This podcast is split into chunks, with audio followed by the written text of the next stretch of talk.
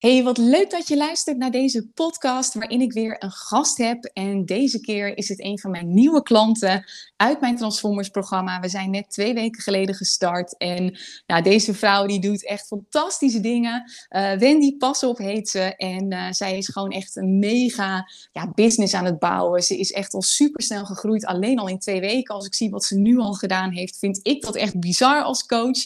Dus uh, het leek me heel tof om haar te interviewen. Omdat zij ook gewoon een heel inspirerend verhaal heeft als mens. Dus uh, ik hoop dat je er veel aan gaat hebben. En uh, hallo Wendy, super tof dat je er bent.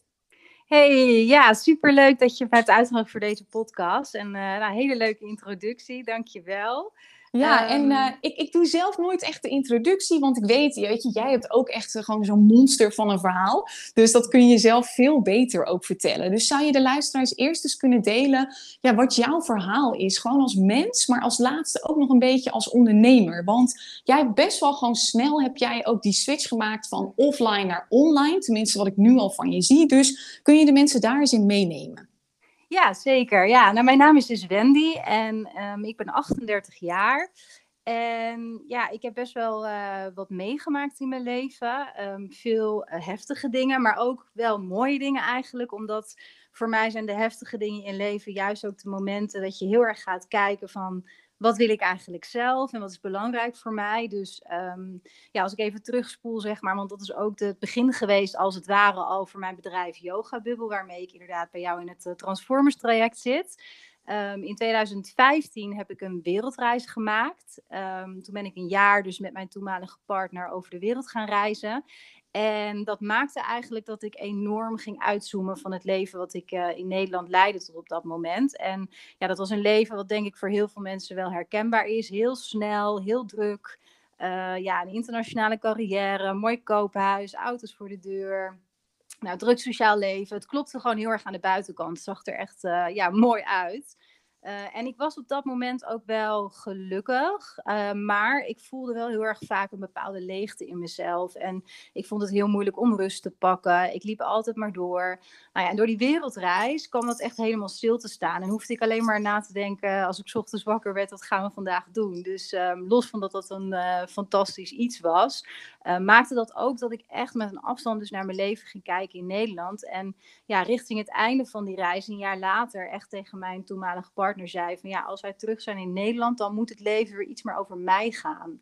En um, ja, ik vind eigenlijk als ik daarover nadenk, op terugkijk, wel een mooie zin die ik toen ook nog niet helemaal zo uh, kon bevatten wat dat zou gaan betekenen voor mij.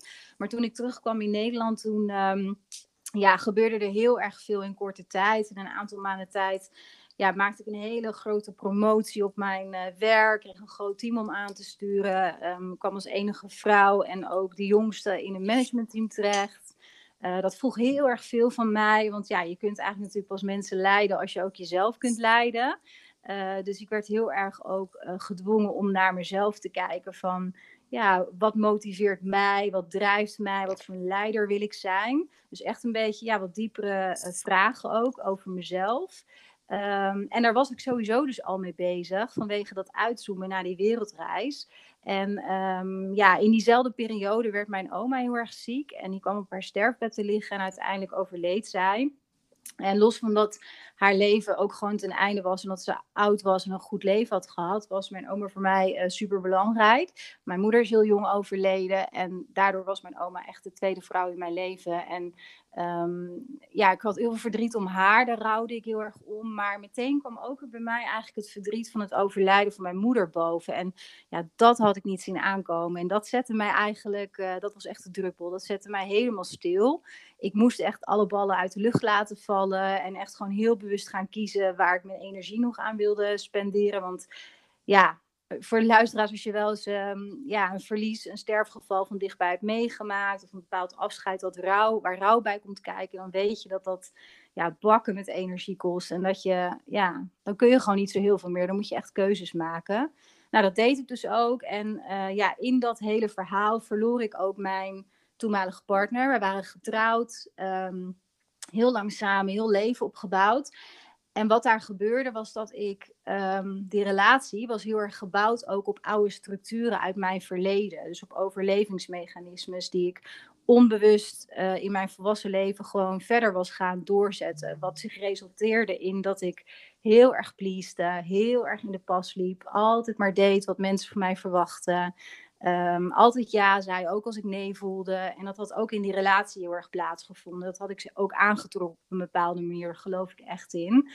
Nou ja, en daarna kwam ik eigenlijk dus, uh, en dan hebben we het over begin 2017, ja, een enorme uh, dal terecht voor mezelf. Maar ook wel uh, op een bepaalde manier door de pijn heen ook een heel, hele mooie plek. Omdat ik dus, wat ik ook net even in het begin zei, ook heel erg weer bij mezelf kwam. En voor het eerst eigenlijk in mijn leven mezelf afvroeg, wie, wie is Wendy eigenlijk? En wat hoort bij mij? En wat heb ik eigenlijk onbewust overgenomen van uit mijn verleden, vanuit opvoeders, vanuit mijn ex, nou ja, vanuit alles en iedereen om me heen. Ehm, ja, en toen ben ik eigenlijk een hele persoonlijke groeitraject als het ware ingestapt. En um, ja, is yoga voor mij ook weer heel erg omhoog gekomen, waar ik eigenlijk al 12, 13 jaar op dat moment mee bezig was, maar heel oppervlakkig. En yoga heeft mij heel erg in dat proces geholpen om weer in mijn lichaam te komen, uit mijn hoofd, weer bij mijn gevoel en intuïtie. En um, ja, in de jaren daarna heb ik heel veel over mezelf geleerd. Heel veel moeilijke gesprekken ook moeten voeren hoor. En, en ook heel veel moeten loslaten, wat ook echt niet altijd makkelijk was. Maar uiteindelijk ben ik wel echt bij mijn eigen kern uitgekomen. En uh, ja, ben ik echt het leven gaan leven zoals ik dat wil. Ben ik gestopt met die baan in zelfs. Um, nou heb ik mijn bedrijf Yoga Bubble inderdaad opgezet, waarmee ik in eerste instantie uh, offline yoga-events, uh, retretes, uh, weekenden organiseerde, wat helemaal te gek was. Um, ik had toen al wel ook het idee om er meer mee te gaan doen dan alleen maar offline. Nou ja, toen kwam corona um, en konden al mijn offline activiteiten niet meer doorgaan. En toen heb ik besloten om meteen eigenlijk die slag te gaan slaan online. Dus dat was vorig jaar. En ben ik begonnen met een uh, online cursus Mindful Leven. En uiteindelijk heb ik, uh, even kijken, in september vorig jaar ben ik uh, begonnen met het schrijven van mijn transformatieprogramma. Waarin ik nu ook midden in een lancering weer zit. Um, en dat gaat echt helemaal eigenlijk over mijn persoonlijke reis. Dus alles wat ik net in een notendop een beetje vertel. van, van, hoe creëer je eigenlijk jouw allermooiste leven op basis van jouw voorwaarden. En daar zeg maar andere vrouwen mee helpen. En echt los te laten wat niet van jou is. En echt te gaan leven hoe jij dat wilt. Ja, tof. Wat een verhaal. Ik heb met, met één adem zitten luisteren.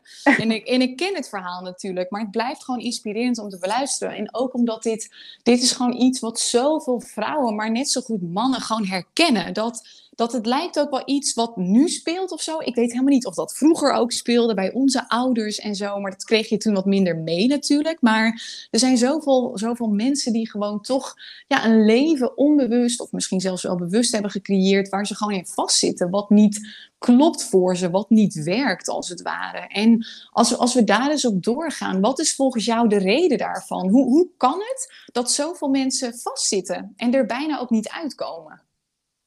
Ja, ik denk dat dat te maken heeft met dat wij. Kijk, wij, ik denk ook dat wij de eerste generatie zijn. Ja, het ligt een beetje aan hoe oud je bent. Maar uh, ja, ik ben dus 38 en dit is denk ik de eerste generatie waarin gewoon letterlijk de wereld aan je voeten ligt. Kijk, de generatie van, als ik kijk naar mijn ouders, mijn moeder bijvoorbeeld was gewoon nog een, een uh, thuisblijfmoeder. Um, die had, was verder ook niet naar, die had middelbare school gedaan en dat was het huishoudschool. Dat ging in die tijd zo. Uh, mijn vader die was kostwinner, allemaal best wel traditioneel. En dat is niet goed of fout uiteraard, maar dingen waren toen veel meer zo. En je deed je leven lang, deed je misschien wel over het kopen van een mooi huis. Of uh, daar zat veel meer, um, je deed veel langer zeg maar om als het ware in die piramide van Maslow, om daarin bovenin te komen. Daar deed je veel ja. langer over. En nu zijn we tegenwoordig denk ik echt op hele jonge leeftijd. Ja, toen ik begon met studeren, toen uh, had ik al mijn eerste verre reis gemaakt. Nou, mijn ouders die hadden nog niet eens in het vliegtuig gezeten. Dus um, ik denk dat je op hele jonge leeftijd kun je al heel erg veel, ook materialistisch gezien. Um, heb je al vaak ook je eerste koophuis wat wat duurder is dan het huis wat je ouders ooit hebben kunnen betalen misschien. Klopt, ja. Er zijn zoveel mogelijkheden. En dat is het mooie van de generatie van nu, of de wereld van nu moet ik eigenlijk zeggen.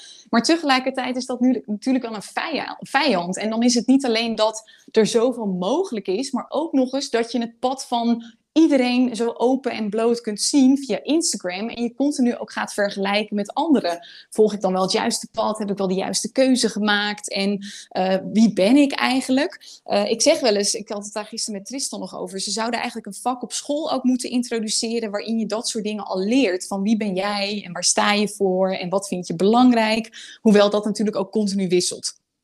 Ja, zeker. Ik, vind ook dat echt een enorm gemis op scholen. En sterker, ik durf wel te zeggen, als ik kijk naar die coronatijd en wat dat met jongeren ook doet. Hè, wat je dan bijvoorbeeld in de media wel hoort, dat jongeren bijvoorbeeld uh, uh, ja, depressief worden en het heel erg moeilijk vinden om thuis alleen te zitten. En los van dat dat heel logisch is in de fase van hun leven, want ze hebben het nodig om erop uit te gaan. Um, vind ik dat wel uh, heftig om te horen. En uh, is de weerbaarheid en de flexibiliteit van jongeren, denk ik, uh, wordt op scholen inderdaad niet ondersteund of, of uitgedaagd of gestimuleerd. Um, hè, van hoe werkt dat nou in je hoofd? Dat zijn je gedachten. Dus hoe denk je over jezelf? En wie ben je eigenlijk? En hoe wil je jezelf in de wereld neerzetten? En ja, dat vind ik ook zeker een gemis. Ja, nee, ik denk ook wel dat het nog gaat komen, maar dat heeft ook eventjes tijd nodig. Hey, en jij vertelt net een verhaal wat, ja, wat eigenlijk een samenvatting is van een proces wat jarenlang heeft geduurd. Jij vertelde net ook al kort over jouw transformatieprogramma, wat dus over anderhalve week weer, uh, weer gaat starten met een nieuwe groep vrouwen. En daarin heb jij eigenlijk heb jij, um, alle stappen die je zelf hebt doorlopen, heb je uitgewerkt, zodat ze dat proces veel sneller ook kunnen doorlopen. Wat zijn nou de stappen die je daar bijvoorbeeld in hebt verwerkt, die je zelf hebt doorlopen om op het punt te kunnen komen waar je nu bent? Waarin je dus een fijne relatie hebt, werk waar je super blij van wordt, uh, waar je ook van kunt leven, et cetera. Wat, wat zijn de stappen daarvoor? Nou ja, in het programma uh, heb ik inderdaad een aantal stappen uh, gebruikt, of die uh, formuleer ik daar, in hoe je zeg maar um, kunt bepalen hoe je bent gekomen waar je nu bent. Dus uh, voor mij is het ook heel erg belangrijk geweest om inzicht te krijgen in mijn eigen patronen, structuren, beperkende overtuigingen, die mij altijd onbewust onder water eigenlijk hebben geleid in de keuzes die ik heb gemaakt. Dus dat is ook wat ik in het transformatieprogramma uh, doe. We gaan dit eerste deel van, de, van het programma heel erg kijken van ja, wie ben jij en hoe ben je dus gekomen waar je nu bent? En een heel belangrijk onderdeel voor mij daarin is, en daar gaat ook echt een module helemaal over, familiestructuur. Um, en de reden dat dat voor mij zo belangrijk is, is dat ik zelf ook heb geleerd dat heel veel van mijn gedrag eigenlijk gekopieerd is door de opvoeders of vanuit de opvoeders in mijn jeugd. Um, ja, iedereen maakt natuurlijk bepaalde dingen mee. En dat kunnen hele grootse dingen zijn. Dat hoeft ook niet altijd zo te zijn. En dat het enorme trauma's zijn. Maar je leert wel in de eerste zeven jaar van je leven eigenlijk wat uh, goed gedrag is, wat beloond wordt. Uh, ja, hoe je je behoort te gedragen, wat uh, misschien ook wordt afgewezen. En daar pas je eigenlijk, zonder dat je door hebt, dus je gedrag op aan. En als je daar niet zoveel bewustzijn op hebt, wat ik niet had in het eerste 30 jaar van mijn leven, dan word je daar onbewust in je volwassen leven, kun je daar ook heel erg door worden geleid. En ja, in mijn geval leidde dat er bijvoorbeeld toe dat ja, ik heb heel jong geleerd om voor anderen te zorgen en altijd het lieve, uh, vrolijke, fijne, slimme meisje te zijn waar niemand zich zorgen om hoefde te maken. Dus ja, ik ben helemaal de verbinding met mijn eigen behoeftes kwijtgeraakt en ging daardoor in mijn volwassen leven ook enorm pleasen en werd daar uiteindelijk heel ongelukkig en leeg van. Um, dus dat is een heel belangrijk onderwerp in het transformatieprogramma van hoe zit jouw familiestructuur in elkaar en welke impact heeft dat wellicht onbewust, misschien ook wel bewust voor de persoon in kwestie, maar gehad op de keuzes die je hebt gemaakt. En dit is um, zo'n belangrijk inderdaad, want dit is voor mij ook echt een, een huge ding uh, geweest. Ik herken ook heel erg wat jij zegt en ik denk dat dat voor de meeste vrouwen ook die mij dan volgen, dat dat ook hun belangrijkste thema is. Dat ze die vrouw moesten zijn of de man moesten zijn met wie het dan gewoon goed gaat. Niet zeuren, anderen pleasen. Weet je wel, zelf niet te veel aandacht opslokken. En op een gegeven moment, weet je, in het begin helpt je dat met overleven als het ware. Als we dat even uitvergroten. En op een gegeven moment gaat dat je enorm tegenwerken. En dan moet je dat weer loslaten. Ja, dat klopt. En, en je, ja, op een gegeven moment weet je ook niet meer waar jij begint en die ander begint, zeg maar. Hè? Dus je versmelt, je versmelt als het ware met andermans behoeftes. En je kunt ook echt jaren zo leven, misschien wel tientallen jaren, dat geloof ik echt wel, dat je gewoon denkt dat dat, dat ook jouw behoeftes zijn. En diep van binnen voel je wel een bepaalde leegte, denk ik vaak, of schuurte. Dat heb ik tenminste zelf heel vaak zo gevoeld. Alleen dat poets je weer weg door maar weer gewoon door te gaan en, uh, en, en inderdaad dingen te denken als waar heb ik het over? Ik heb toch alles? Ik heb het toch goed voor elkaar? Um, ja, en dan ga je maar door, door, door. Maar je mag teruggaan eigenlijk en stil gaan staan. Maar je mag teruggaan naar je gevoel. En ja, van is dit echt wat bij mij hoort en waar ik gelukkig van word? Ja, precies dat. Hey, en um, dan zijn er nog meer stappen, want we hadden nu stap 1 hadden we behandeld. Wat zijn de volgende stappen? En zijn eigenlijk een beetje de modules die je hebt gemaakt. Ja, ja. ja we, er zit ook een hele module in over lichaamsbewustzijn en intuïtie, omdat ik um, ja, heel erg heb ervaren zelf ook, en ook merk bij de vrouwen die ik al heb mogen begeleiden, dat uh, je lichaam gewoon een hele slimme bron is van informatie, als het ware. En dat heel veel van de vrouwen ja, die ik dus help, echt jarenlang een soort wandelend hoofd zijn geweest. Dus echt heel erg in hun hoofd hebben geleefd. En de connectie als het ware met hun lichaam zijn kwijtgeraakt. Terwijl juist in je lichaam je gevoel en je intuïtie huist. Dus op het moment dat jij weer meer wil gaan uh, voelen van wat zijn eigenlijk mijn eigen behoeftes en waar word ik zelf gelukkig van, dan zul je eerst weer de reis moeten maken vanuit je hoofd dat lichaam in. Dus um, ik heb ook echt een hele module heel uitgebreid um, in het transformatieprogramma zitten, wat helemaal gaat over hoe doe je dat nou praktisch en hoe word je weer bewust van je lichaam en hoe ga je je lichaam echt weer bewonen als het ware. Hè? En uh, hoe kun je ook bij jezelf bijvoorbeeld intuïtie herkennen. Um, en hoe mag je je ook daardoor laten leiden? Dus dat is ook echt een heel belangrijke stap om te nemen, omdat je anders gewoon de hele tijd in je hoofd blijft. Dan kun je wel inzichten hebben, uh, maar de inzichten op zich, die zijn niet voldoende om je gedrag echt aan te gaan passen. Want je moet echt naar dat gevoel toe, naar je eigen hart. Ja, en dat, uh, dat is zo'n groot onderdeel. Ik ben daar zelf ook altijd nog dagelijks mee bezig. Want wat ik altijd interessant vind is, je hebt altijd een beetje twee stemmetjes, twee identiteiten in jouw lichaam. Dus je bent, ik ben Tineke zeg maar, en ik heb een soort ego-Tineke die me continu beschermt en die vanuit het hoofd denkt. En dan heb ik nog een soort van intuïtie, Tineke, en die praat vanuit gevoel. Dus ik weet nog bijvoorbeeld, dan pak ik even het voorbeeld van de mastermind die ik wilde starten. Mijn hoofd zei heel erg, nee, dat moet je niet doen, want dan wordt je agenda weer voller. En iemand zei dat het heel veel gedoe is en stel je voor dat het niet lukt. En mijn intuïtie, en dat is het verluisterende stemmetje, die zei toch, nee, doe het. Dit is je pad en dit mag je volgen. En het is zo'n kunst om te leren luisteren naar die intuïtie. En ik leer dat ook altijd aan mijn klanten en natuurlijk ook met jou zijn we dit nu aan het doen bent, die dat, stel, ook als je sales doet bijvoorbeeld, dus als je in een lancering zit zoals jij nu en je verkoopt je programma, vooral dit soort programma's, dus coachingprogramma's en dergelijke, dan zijn er ook altijd mensen die, misschien luister je nu wel, en dan heb je ook dat stemmetje die dus denkt, ah ja, dat klinkt wel interessant, maar dit is niet het moment, en oh nee, ik heb het geld niet, of weet ik het wat, en toch voel je ook dat stemmetje daaronder, maar het is dus de kunst om dat beter te leren, te leren voelen, want ik geloof wel, en ik ben wel benieuwd hoe jij daarin staat, Wendy, dat iedereen hem wel heeft, maar bij de ene is die veel sterker dan bij de ander.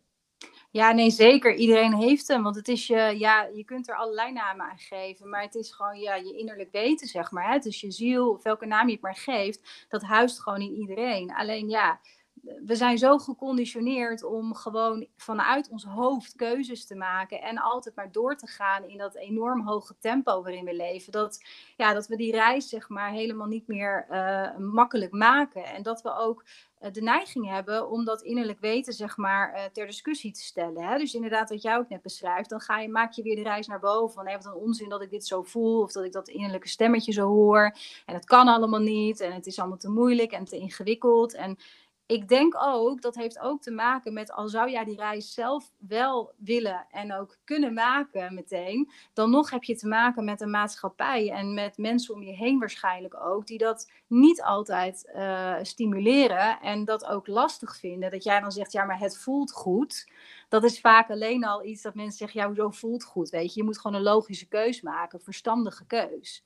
Dus je wordt ook constant, we leven nu eenmaal in een maatschappij waarin je ook constant wordt uitgedaagd om gewoon zelf wel ja, bij dat innerlijk weten te blijven. Dat is best wel een uitdaging. Ik vind dat zelf ook soms nog best wel lastig. Klopt, want iedereen die vindt er iets van, van wat je doet. En vooral de mensen van wie je houdt vaak. Dus ik zie dat ook bij klanten. De meeste mensen die durven niet te groeien of de volgende stap te nemen. Enerzijds door wat ze zichzelf allemaal over zichzelf vertellen. Maar ook door een partner die daar iets van vindt. Of een ouder die iemand tegenhoudt. En ja, dan is het ook gewoon verdomd lastig om daarin voor jezelf te blijven kiezen. Want je vertelt jezelf dan ook, ja, maar ik hou van deze persoon, ik wil hem of haar niet kwetsen. Helemaal als je al zo'n pleaser bent van vroeger. Weet je, dus dan blijf je ook een beetje hangen in dat, uh, in dat stuk. Wat zou jij mensen aanraden die dat dus heel erg help, hebben? Dus die eigenlijk wel stiekem weten wat ze willen. Of dat nou is dat ze willen veranderen met hun business, of juist uit loondienst willen, of een relatie verbreken, wat het ook maar is. Om dan toch zeg maar vol te blijven houden om die keuze te maken. Ja, ik zou vooral echt uh, proberen die comfortabel te worden met, je, met jezelf en in die stilte. Dus wel gewoon echt heel erg die stilte bewust op te zoeken elke dag, al is het maar vijf minuten. Want dan kun je gewoon elke keer weer afstemmen op jezelf. Dat kan ook gewoon tussendoor. En dan voel je, hoe vaker je dat doet, um, het is als een spier, hè? dan train je dat. En dan voel je steeds sneller van, oké, ja, dit mag ik volgen, dit mag ik volgen.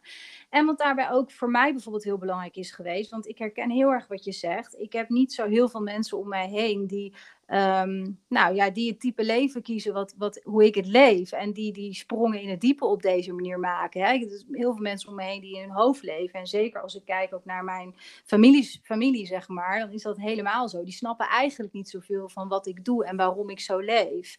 Ehm, wat ik dan doe, is dat het voor mij heel belangrijk is om heel bewust mezelf te voeden met dat ja, wat mij wel energie geeft. En waardoor ik dus bij mezelf kan blijven. Want als mijn. Ehm, ja, zeg dat vaatje zeg maar leeg is, dan kan ik ook veel minder goed dealen met bijvoorbeeld mijn vader, die, die dan zegt, ja, maar waarom uh, doe je dit? Want het is niet verstandig, ga maar lekker weer uh, die rol in, uh, in loondienst nemen. Dus het is voor mij heel belangrijk dat mijn energie hoog blijft. En dat doe ik bijvoorbeeld door ja, echt dingen te doen waar ik blij van word. Om, ik, ik luister veel podcasts van mensen die ik inspirerend vind, of ik lees boeken die ik inspirerend vind. Um, nou, ik heb een hele fijne relatie met, met mijn vriend Maurice. Kan ik heel fijn praten over dingen. Uh, hij stimuleert mij enorm daarin. Dus zoek ook heel veel dingen om je heen. En doe dingen waar jij gewoon heel erg blij van wordt. Want dan kun je veel gemakkelijker bij dat stemmetje in jezelf blijven. Precies, ik herken dat. En jij noemt al een aantal hele mooie voorbeelden vanuit uh, meer het mentale, zeg maar. Dus fijne mensen om je heen verzamelen, podcast luisteren. Wat ik zelf nu ook merk, want ik ben daar zelf wat meer mee aan de slag gegaan de afgelopen weken of eigenlijk maanden, uh, is mijn voeding en mijn slaappatroon en bewegen. Want ik merk ook dat dat dus een enorme impact heeft. Dus uh, ik probeer elke dag minimaal twee liter water te drinken. Ik beweeg twee keer per week, echt goed sporten, zeg maar. betere voeding, et cetera. En dat doet dus blijkbaar ook iets met je hersenen, waardoor die minder snel in de angstmodus schiet en je dus beter ook weer bij dat stemmetje komt. Dus ik vond dat zelf ook wel weer een interessante, want ik merk dus direct als ik minder goed voor mezelf zorg, in die zin dus ook, want het mentale wat jij doet blijft daar ook super belangrijk bij, dan heb ik dus veel meer negatieve stemmen. Dus, dus je kunt het echt heel holistisch aanpakken ook wat dat betreft. Ja, zeker. En ik, ik inderdaad, wat jij zegt, herken ik ook. Ik heb bijvoorbeeld zo'n een aantal van die, ja, dat noemen ze dan toch non-negotiables. Allemaal van die dingetjes die ik met mezelf doe, waar, waarvan ik gewoon weet dat het goed voor me is. En niet omdat ik er altijd maximaal zin in heb, want ik geloof ook wel dat je soms jezelf gewoon een trap onder je kont moet geven daarin. Maar gewoon omdat ik dus weet van, ja, in the end of the day is het goed voor mij en blijft mijn vaatje daar dus goed doorgevuld. En ja, bij mij is dat bijvoorbeeld uh, dat ik elke dag inderdaad een uur wandel. Uh, wat voor mij ook heel belangrijk is, dat ik niet meer dan twee, maximaal bij uitzondering drie afspraken per week plan. Omdat ik gewoon, en heb ik het over mijn sociale leven, omdat het voor mij gewoon anders te veel wordt. Ik ga gewoon goed op rust en op alleen zijn om, om met Maurice samen te zijn, zeg maar. En niet al te veel mensen steeds om me heen. Nou, dat zijn zo van die dingen die ik doe. En uh, ja, slaap is daar ook voor mij heel belangrijk in. Uh, waarvan ik weet dat het belangrijk voor mij is om me gewoon goed te blijven voelen. En inderdaad goed bij mezelf te kunnen blijven. En niet zo in die angst te schieten. Precies. En een laatste die ik daar nog aan toe wil voegen, is wat mij ook altijd heel erg helpt om die keuzes te maken vanuit mijn intuïtie. En dus niet te veel me laten leiden door mensen die het oneens zijn met wat ik wil gaan doen of iets dergelijks, is ook continu mezelf af te vragen: welke vrouw wil ik zijn? Dus wil ik de vrouw zijn die ehm, een droom heeft, maar zich ervan af laat praten doordat haar moeder het niet goed vindt of iets dergelijks? Ik noem maar even een voorbeeld. Ehm, of wil ik de vrouw zijn die voor haar dromen gaat en wetende dat ze daarmee ongetwijfeld een aantal mensen in een ongemakkelijke positie brengt, omdat zij het lastig vinden dat ze onderneemt of iets dergelijks. En ja, weet je, uiteindelijk mag je soms ook beseffen dat er altijd wel iemand is die je teleurstelt soms met de acties die je neemt. En weet je, hoe meer je dan jezelf teleurstelt, hoe minder leuk je uiteindelijk op de lange termijn wordt, hoe minder blij je ook weer de mensen om je heen maakt, denk ik altijd. Dus wat dat betreft zo belangrijk om toch maar in de eerste plaats het beste voor jezelf te gaan zorgen. Want uiteindelijk, als je dat niet doet, heb je jezelf ermee en ook nog de mensen van wie je houdt. Ja, zeker. En, en om ook nog even wat je net zegt uh, over dat, die vrouw die jij wilt zijn. Um, ik heb bijvoorbeeld ook in het programma, en dat doe ik ook op mijn events, daar heb ik een geleide meditatie, uh, zit daarin, heb ik daarin opgenomen. En die gaat inderdaad echt over ja, een soort, soort reis die ik met je maak naar die vrouw die jij wilt zijn. Dus twintig jaar vanaf nu. Uh, waarin ik dan een, uh, je daar in een geleide meditatie naartoe leid. Um, omdat je dat ver genoeg afzet van waar je vandaag de dag in zit en de issues die je misschien hebt, of de uitdagingen, de problemen. En je dan wat vrijer zeg maar kunt voelen van wie is die vrouw eigenlijk. En van daaruit kun je dus heel erg goed inderdaad bekijken van hoe kan ik in de dag dagelijks al hele kleine mini-stapjes zetten, zodat ik in die identiteit als het ware kan stappen. En dat kan ja, heel klein zijn door bijvoorbeeld alleen al. Uh, nou ja, weet ik, veel kleding bijvoorbeeld aan te doen van, uh, waarvan je voelde van hé, hey, die, de, die kledingstijl heeft die vrouw die ik eigenlijk wil zijn of waar ik naartoe wil groeien. het hoeft allemaal niet zo enorm groot te zijn, maar het gaat erom dat je jezelf traint in dat je daar langzaam in mag groeien en dat je dus gaat geloven dat je die vrouw ook daadwerkelijk eigenlijk al bent. Ja, en daar gaan zoveel mensen de mist in, want ze maken het te groot. Ze denken dat ze direct de volledige transformatie moeten maken. Maar hoe kleiner je dat maakt, hoe beter het vaak ook gaat. Ik had het net dus met jou al over dat ik met mijn voeding en dat soort dingen bezig ben. En ik doe dan ook voor mezelf, elke week geef ik mezelf een soort van mini-challenge om één klein stapje te nemen. Dus ik had nu bijvoorbeeld, een paar weken geleden ben ik al gaan trainen in gewoon twee liter water drinken per dag. Nu heb ik voor deze week heb ik een Brita besteld. Dat is een van de waterfilter, zodat het water weer van betere kwaliteit is, weet je wel. En kleine stapjes daar naartoe en dat maakt zo'n verschil. En ik wilde nog één ding zeggen over dat waar we het net over hadden. Dus die vrouw die je dan wilt zijn en kiezen voor jezelf en waar je zelf blij van wordt. Ik moet nog wel eens denken aan een zin die ooit de CEO van het bedrijf waar ik toen werkte uh, tegen me zei. En het is een hele deprimerende zin enerzijds, maar toch ook heel inspirerend anderzijds. Wat ze namelijk zei is, Tineke, je moet onthouden, je komt alleen en je gaat alleen in deze wereld, zeg maar. Je wordt zelf geboren, je gaat dan dood op een gegeven moment, je gaat weer weg.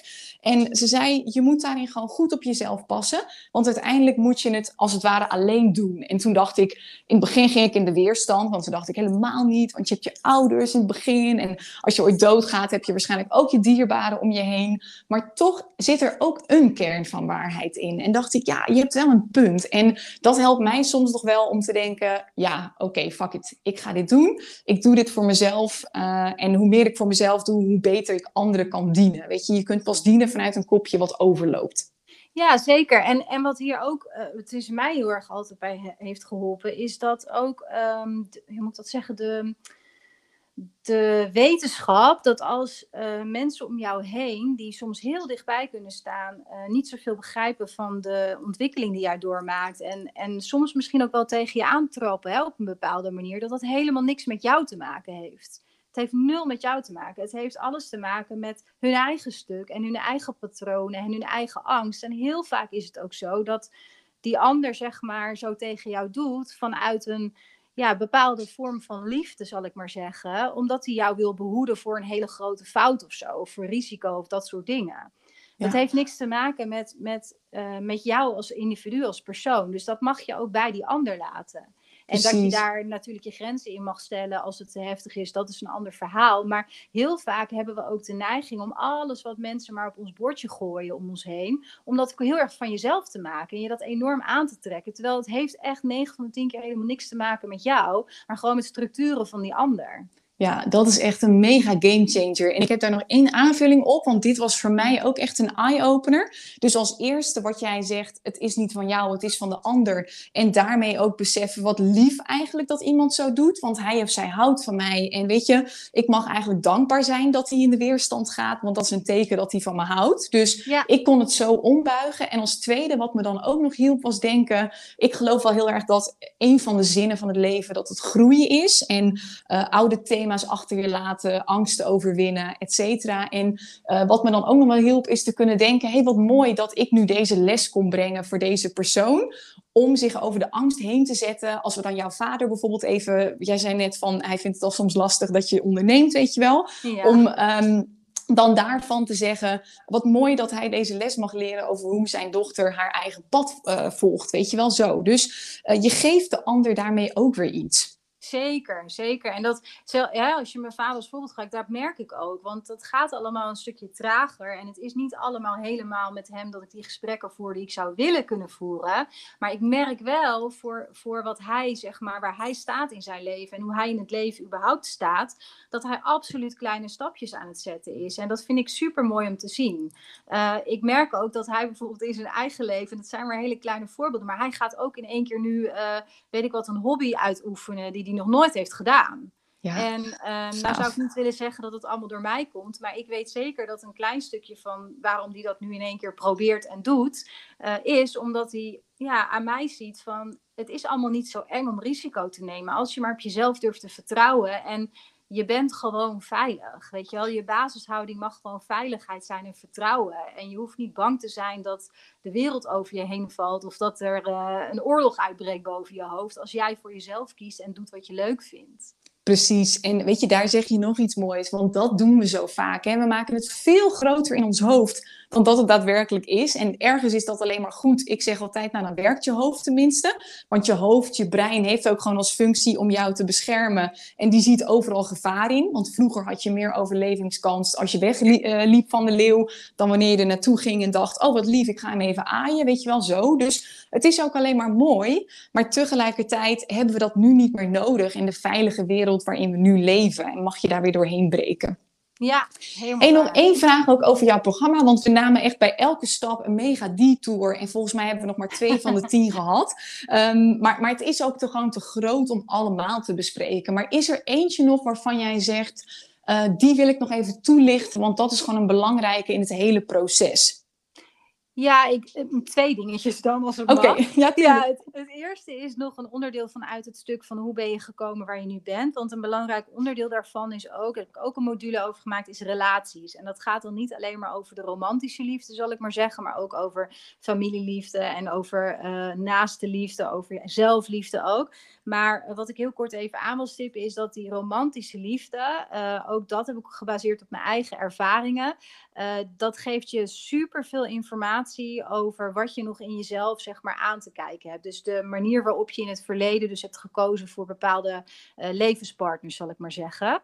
Um, dus daar gaat ook echt een heel stuk over in het programma, een hele module van ja, wat, wat kan jou dat zeggen en wat mag je in jezelf nog helen en aankijken, zodat je in de relatie waar je nu in zit, um, ja, nog meer samen kunt floreren en kunt groeien. En zelf ook je echt jezelf kan zijn. Dan wel in toekomstige relaties daar veel meer vanuit je eigen kracht en je eigen uh, waarde, zeg maar, in kunt staan. Um, en het tweede wat ik dan nog even wil benoemen is dat dit ging allemaal over van hè, hoe ben je gekomen waar je nu bent. Maar het tweede deel van het programma gaan we heel erg naar voren kijken. Dus vanuit de inzichten die, we, die je op hebt gedaan, uh, gaan we heel erg kijken naar waar wil je nou naartoe? Wat zijn eigenlijk jouw persoonlijke waarden? Daar ga ik je ook mee helpen om dat allemaal te formuleren en helder te krijgen. En hoe kun je daar uh, ook heel erg naar gaan leven? Um, en misschien nog wel het belangrijkste in, uh, in het verlengde van waar we het net over hadden. Um, hoe zorg je ook dat je daar naar blijft leven en dat je flow blijft creëren in je leven? Ook als je in moeilijke situaties terechtkomt um, of met mensen te maken hebt ja, die het allemaal niet zo goed begrijpen wat je doet en de neiging hebben om jou steeds, ja, zeg maar van je pad af te tikken. Hoe blijf je dan toch op je eigen pad? Ja. Um, ja, en aan het einde van het uh, programma ga ik je helpen, zeg maar, met echt het herschrijven van je verhaal.